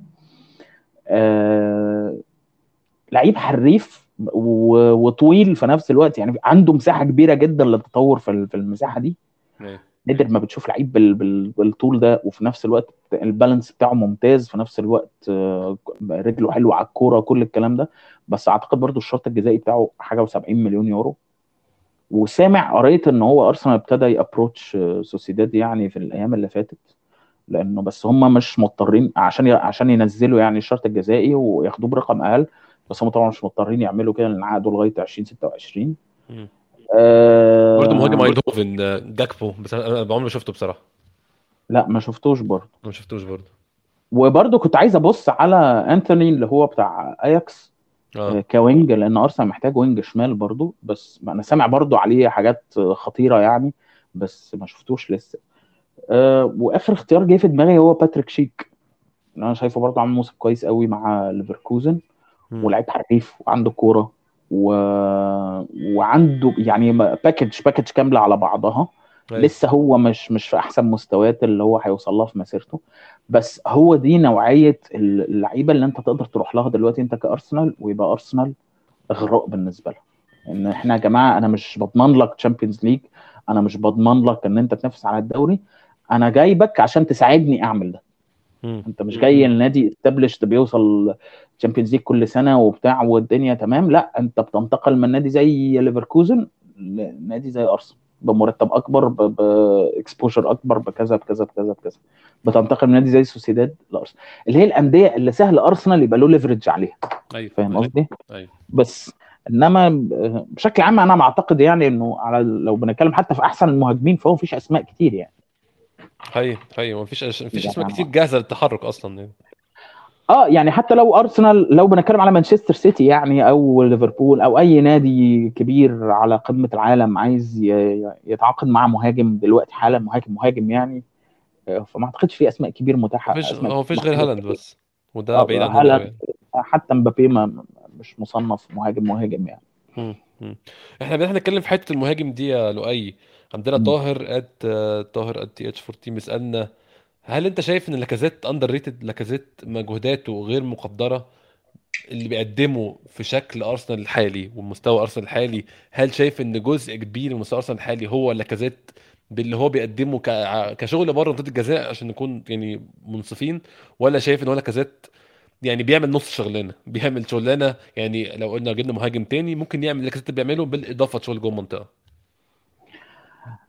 إحنا برضو يعني أنا طبعا طول عمري بحب لاكازيت من أيام ليون.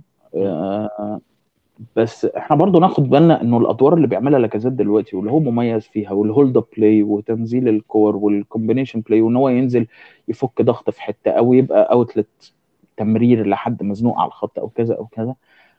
هي أصلا حاجات مش مش لاكازيت يعني هو لاكازيت في blackout كده كبير في مسيرته بتاع الإصابات في أرسنال. بعد أول موسم أو اتنين.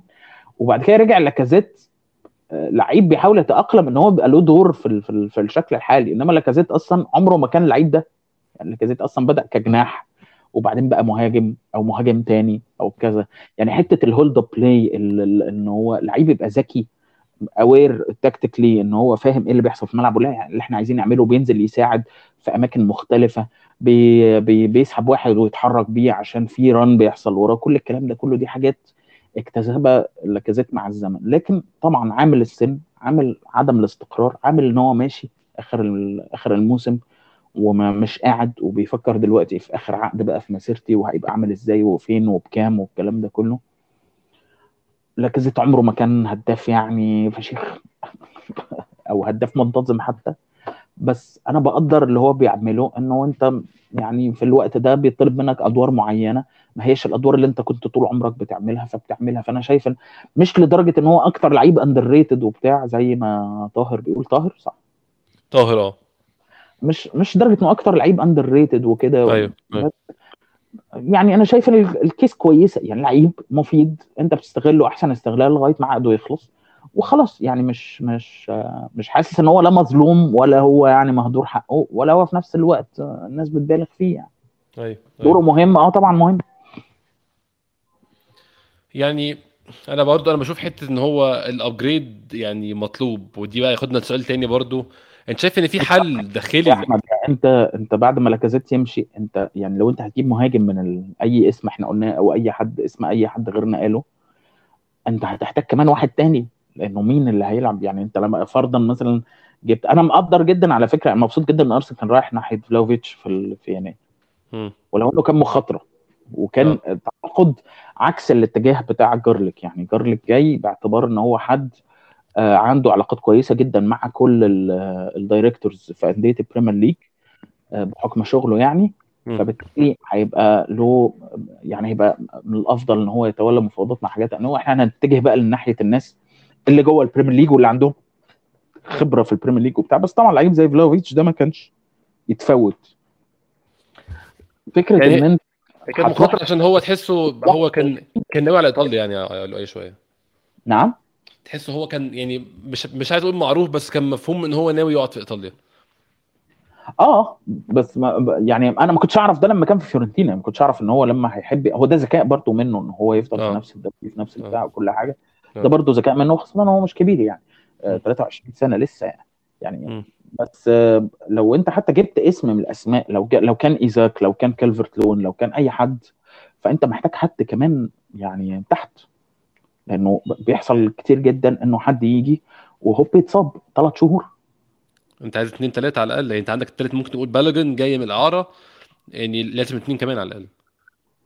آه، لو انت بتتكلم عن مركز المهاجم يعني انت محتاج آه. واحد كان غير ال غير ال غير الأساسي اللي انت هتجيبه. الأساسي اللي انت.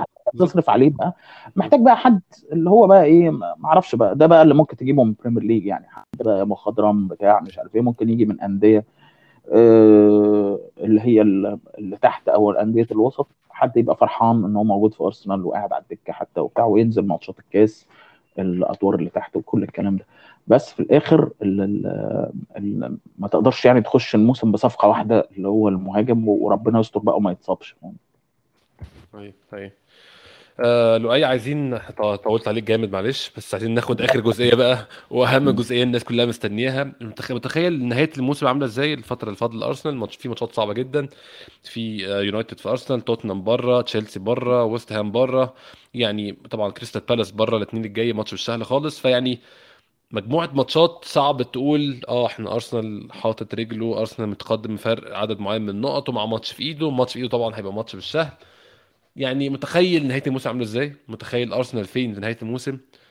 طبعا موضوع إحنا قراراتنا عاملة إزاي بعد نهاية الموسم ايا كانت دي إحنا يعني يختلف فيها الآراء. في ناس بتشوف إن هو حتى لو ما وصلناش top four نستمر بنفس الشكل ونبني عليه. في ناس بتشوف اللي ما وصلناش top four فده فشل في حد ذاته محتاجين نغير. يعني قولي تخيلك لنهاية الموسم وآخر امتار الموسم كده الحبة الفاضلين. هي المباريات كلها بصراحة صعبة. هو هو برضه Premier League بالنسبة لنادي زي ارسنال الفريق زي ارسنال هتبقى كل المباريات صعبة. يعني نادرا ما هت... انت هتبقى بتشجع أرسنال وهتبقى داخل ماتش وهتقول آه ماشي قشطة نكسب ثلاثة النهارده فاهم. يعني برضو الماتشات دي بقت نادرة مع الوقت آه بس آه طب أنا مش عارف بقية الفرق ماتشاتها إيه اللي باقية بس لو بصينا مثلا على أحسن توتنهام مننا أظن يعني توتنهام عندهم ويست هام نيوكاسل أستون فيلا برايتون برنتفورد ليفربول ليستر بيرنلي نورويتش مش أسهل بكتير. يعني هم عندهم ثلاث فرق من اللي عند أرسنال. خلينا نفكر فيها كده بصوت عالي يعني. عندهم ويست هام نيوكاسل برايتون و... وليفربول ليستر بيرنلي نورويتش. لا مش ماتشات يعني أنا مش شايفها مش شايفها أصعب مش شايفها أسهل من ماتشات أرسنال. مم. أنت إيفرتون هيبقى ممكن صعب شوية. نيوكاسل أكيد هيبقى صعب ويست هام أكيد هيبقى صعب. يونايتد الله أعلم. يعني ما- هم ماتش بماتش سهل جدا زي ماتش الدور الأول. آه، آه، تشيلسي أكيد هيبقى صعب. برايتون أكيد برضه هيبقى صعب. توتنهام برضه بقى صعب أظن. آه، وتوتنهام طبعا. آه، لو بصينا على يونايتد يونايتد عندهم ليستر وإيفرتون ونورويتش زي توتنهام برضه. عندهم ليفربول. أه لا تصدق يعني أنا دلوقتي أدركت حاجة يعني مانشستر يونايتد عندهم أرسنال. أنا لو مكان مانشستر يونايتد دلوقتي أنا اللي هبقى خايف مش العكس. أه عندهم برايتون برضو وتشيلسي وكريستال بالاس بره. لا ماتشات صعبة برضو. أه ويست هام أه يعني كريستال بال... أه استنى كده. لا ماتشات يونايتد برضو صعبة. صعبة جدا يعني. تشيلسي أه في ترافورد كريستال بالاس بره برايتون بره برنتفورد في ترافورد أرسنال بره ليفربول بره. ونورويتش جوه وإيفرتون بره. لا أنا شايف كمان ماتشات ممكن تكون أصعب من هم من قياسا بحالة الفرقتين يعني. هو أظن آه هي دي نقطة قياس بحالة الفرقتين فعلا. الماتشات دي آه لو لا. نفس الفريق الجدول ده أسهل بس مانشستر يونايتد بيعانوا حاليا. آه, آه ويست هام برضه عندهم توتنهام بره. إيفرتون جوه وبعدين عندهم Europa League كمان ليون ودول زيادة برنتفورد بره تشيلسي بره آه مان سيتي في أرضهم وبرايتون بره يعني لا أنا حاسس بص إن هو لو بنتكلم على المباريات كمباريات اللي باقي تحس إنها متدرجة في الصعوبة حسب مركز في الجدول. يعني أرسنال قد يكون عنده أصعب fixtures في الحاجات اللي جاية توتنهام ومانشستر يونايتد بعديه وويست هام يمكن أسهل منهم هما الاثنين بس في الآخر كلها آه تشيلسي آه بس تشيلسي يعني لحد ما ما- إحنا شبه متأكدين إن هو خلاص يعني هو في في ال top four آه بس لا. آه بس أنا حاسس إنه لأ أرسنال أفضل حالة فيهم يعني أرسنال بالنسبة له لما أنت بتقيس بقى قياسا على حالة الفرق والنتائج أنا بس مش. عايز أقول أفضل حالة أحسن أرسنال يتعادل ولا يخسر فيرجعوا يقولوا قريت على أرسنال منك لله وعملت البودكاست دلوقتي ليه وبتاع ف بس أنا حاسس إنه قياسا على حالة أرسنال يعني إن شاء الله شايف إن الموضوع يعني هيبقى خاصة كمان إن الثلاث فرق اللي وراك هيخبطوا في بعض. مم. يعني مش بس المباريات يعني أنت دلوقتي هتلاعب منهم أنت هتلاعب منهم ثلاث فرق فالموضوع في إيدك الصراحة. مم. أنت هتلاعب الثلاث فرق اللي بيهددوك و... والفرقه اللي فوقيك. فالموضوع في إيدك. يعني أنا شايف إن هو بصراحة ده اختبار. هو ده بقى الوقت اللي كنا لسه بنتكلم عليه بتاع اللحظة الحاسمة من الموسم اللي هيبان فيها بقى إيه؟ الفريق ده يعني اللي عمله أرتيتا ده. هيتوج بقى بانه أنا كنت بشوف دايما ودي كانت نفس المشكلة في ماتش ليفربول. كنا برضو في ال room وحسن برضو صاغ الموضوع بشكل جميل لما قال إن أرسنال محتاج المباراة اللي هي ال statement ماتش ده إن أنا ألاعب ليفربول وأكسب. ألاعب سيتي. وأكسب؟ آه، ألاعب تشيلسي وأكسب score فاهم؟ اللي هو الماتش اللي هو يا جماعة إحنا ما بقيناش أرسنال اللي بيخش الماتشات دي عشان يخسر ويروح. إحنا اختلفنا. فاهم؟ وكان قريب من ده يعني كان قريب من ده قدام سيتي. وحتى ليفربول لغاية قبل ما ما يجي ال- الجول بتاع جوتا كان الماتش متكافئ جدا. بس لسه لسه ما جاتش هتتكرر وبتاع ومش عارف إيه. بس أنا شايف بقى إنه كمان أرسنال محتاج statement يعمل statement على مستوى إن إحنا داخلين على فترة صعبة. بس يا جماعة هنعديها. يعني آه. أهو في اختبار بس هنعديها مش هنعمل زي ما حصل في 15 16 مش هنعمل زي ما حصل في 16 17 في نص الموسم. مش هنعمل المواقف دي خلاص. مش هنعمل زي ما حصل في 14 15 برضو قبل النهاية بشوية لما وقعنا نقط كتير وخرجنا من المنافسة. فاهم؟ لا خلاص داخلين. إحنا بقى إيه ده اللي هيبين فعلا عقلية الفريق اتغيرت ولا لأ. كل الناس طبعا حاطة ايديها على قلبها ما حدش يقدر يتوقع. بس أنا شايف إنه منطقيا دي فترة صعبة. ولازم عمرك ما هتنقل الفريق من من مساحة أو من ترتيب أو من فئة لفئة الأعلى منها من غير ما هتعدي على حاجة زي كده. هي يعني الأمور الحياة كلها مش هتبقى نورويتش و... و... و... وليدز وحاجات زي كده و... ده كان محبط شوية الفترة اللي فاتت اللي إيه إن الفرص جات لنا إن إحنا نعمل statement زي دي يعني كذا statement ماتش السيتي الأولاني كنا كسبانين وماشيين كويس بعد كده الماتش اتقلب ماتش ليفربول برضو كنا قريبين ما كناش بعاد عن الماتش. أظن دي كانت فرص نعمل statement زي أنت بتقول عليها بس للأسف ما, ما يعني ما وافقتناش قوي آه بالظبط هي كانت مسألة توفيق. يعني انت تبص على الجون بتاع جوتا ده يعني حاجة صعبة. الجون بتاع فيرمينو. بس الدنيا بتضيق فاهم. وبتقرب. انت ما هو دي, دي الفكرة. انت ز... انت دلوقتي في وضعية الشخصية الكلام اللي بيتقال عن الشخصية إيه هي الشخصية؟ هي خبرات سيئة أو خبرات جيدة. هي أنا اتحطيت في الموقف ده قبل كده وعديته. فعندي ثقة المرة دي إن أنا هعدي. أو أنا اتحطيت في الموقف ده قبل كده ومجرد ما دخل فيا جول شلت زلط. فانا خلاص أنا دلوقتي بحارب بقى مش بحارب الخصم أنا بحارب نفسي كمان في الملعب. إن أنا عمال نفسي تهبطني وتفكرني لما كنت ماشي كويس قدام ليفربول وبعد كده قابلت جول هوب ورحت قابل التاني والتالت والرابع. فما فيش. فانهارت. واخد بالك؟ نفس الشيء يعني. فهي الفكرة كلها إن أنت keep trying بس وإن أنت تمسك نفسك والعيال تفضل مصدقة إن هي تقدر تعمل ده لغاية ما ده يحصل. ومجرد ما ده يحصل كل ده هيتمحي وهنبتدي صفحة جديدة. هنخش الماتش اللي بعده وإحنا داخلين لا إحنا عملنا ده قبل كده يا جماعة. إحنا كسبنا سيتي كسبنا ليفربول. إحنا ما داخلين ب mindset مختلفة. فاهم قصدي. وده حتى ما- بيتواجد في أصعب اللحظات. يعني يونايتد سولشاير اللي كان فريق ما ملوش لا شكل ولا دعم ولا بتاع كانوا بينزلوا يكسبوا سيتي لأن عندهم ال mindset دي. يعني شوف كل الظروف المهببة دي وكل القرف اللي كانوا بيقدموه. كان عندهم فكرة إنه لا ماتش سيتي ده مختلف ده إحنا ننزل نكسب سيتي. فاهم. ملهاش أي تفسير غير التفسير النفسي. ده فريق لا عنده جودة قد سيتي ولا معاه مدرب زي مدرب سيتي ولا ولا أي حاجة. يعني مفيش مفيش أي حاجة هم متكافئين فيها. ولا بيعمل runs زي اللي بيعملها سيتي بال 11 وال 12 وال 13 ماتش مكسب ورا بعض ولا أي حاجة خالص ولا clean sheet ولا أي حاجة وحتى أحسن لعيبتهم كانوا أيوة. بيمروا فترات سيئة. ومع ذلك الماتش ده كان بيبقى مختلف. هو ده بقى هنا فكرة ال- الشخصية والخبرة. ارسنال ما حدش هيصنع له الشخصية دي ما حدش هيدي له الخبره دي على طبق من فضة. مش هينزل ليفربول مثلا مسلم إنه يدي الأرسنال الماتش ولا يعمل غلطات كارثية هو أو لازم لازم تعدي مرحلة عشان هتوصل لازم تفضل تحاول. لغاية انت دلوقتي في بروجرس المهم إن في بروجرس هو ده أهم حاجة. المهم إن أنت ما بقتش تنزل قدام ليفربول تخسر أربعة وخمسة. ما بقتش تنزل قدام سيتي تخسر خمسة وستة. أنت بقيت تنزل تخسر في ماتش ند فين فيه. هم دلوقتي ابتدوا يخافوا منك. بس وده progress ضخم جدا. ابتدوا دلوقتي مش زي زمان. إنه بس إحنا محتاجين نجيب أول جول وبعد كده العملية هتفتح يا جماعة. ال mindset ده وهتبتدي تقرب المسافات. الناس ما عليها غير إنها تصبر. ما دام انت بتشتغل وبتحاول ده هيحصل هيحصل. عمرها ما هتفضل كده يعني. هاي هاي. يعني لو أي آه، أظن دي أحسن حاجة نختم بيها ونورتني النهارده وسع... يعني الوقت جري بينا كنا عاملين حسابنا نقعد نتكلم ساعة بقى ساعة ونص أهو بنتكلم. أتمنى ما كناش طولت عليك جامد بس وسعدت جدا بالتسجيل معاك وأتمنى نكررها إن شاء الله. أنا اسعد يا أبو حميد والله و... وأتمنى فعلا نكررها وإن شاء الله نشوفكم آخر الموسم وأرسنال رجع ال Champions League. وفي الصيف وهو بي... بيقطع سوق الانتقالات بيفرتك سوق الانتقالات و...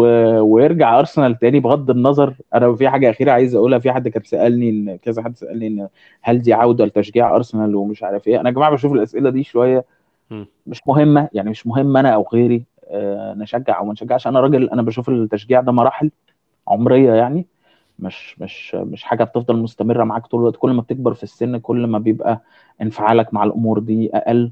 وبرشلونة علمني ده كمان بالطريقة القاسية جدا. يعني لدرجه بطلت انفعل حتى بقى إيه اللي بيحصل أو كده. فهي مش أنا طز فيا يعني لا أشجع أرسنال ولا اشجعش دي مش حاجة مهمة خالص يعني. آه بس أنا طول الوقت بحاول إن أنا أكتب عن أرسنال وبحاول هي الفكرة كلها كحد بيعمل كونتنت أو حد بيكتب بتبقى بس عايز تقول حاجة جديدة فبتروح للأمثلة اللي بتقدم حاجة جديدة. طول ما أرسنال بيتحرك وطول ما هتبقى مش أنا بس هيبقى كل الناس حابة إن هي تتكلم عن اللي بيحصل في أرسنال. وليفربول خير مثال على ذلك. 30 سنة ما كانش حد بيتكلم عن ليفربول. كان الكلام كله تريقة وسف this year's our year ومش عارف إيه. فجأة بقى ليفربول في المركز من كل حاجة. ما بقتش تعرف إن أنت تتكلم على انتقالات أو data أو طريقة إدارة نادي أو أو أفكار تكتيكية أو لعيبة أو أو أو أو أو أحسن لعيبة في العالم من غير ما تيجي سيرة ليفربول في السكة. فهو مش إنه يعني glory hunting يعني بس الفكرة إنه أرسنال كان في مرحلة ركود زي ما بيقولوا. خلاص اللي بيتقال بيتعاد واللي بيتعاد بيتقال تاني وإلى آخره.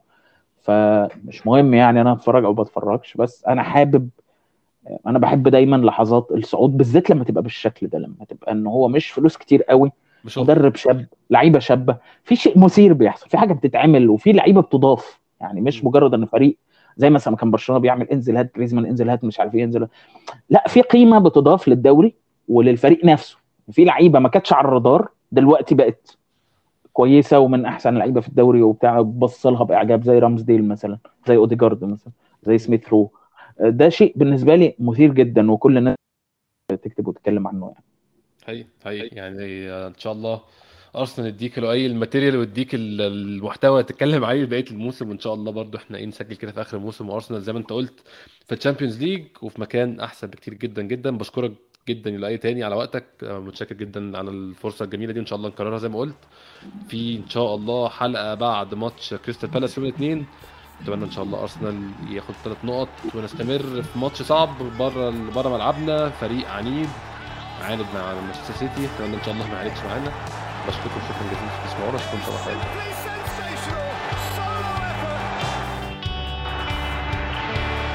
Still Nazareth. Looks like Xavi!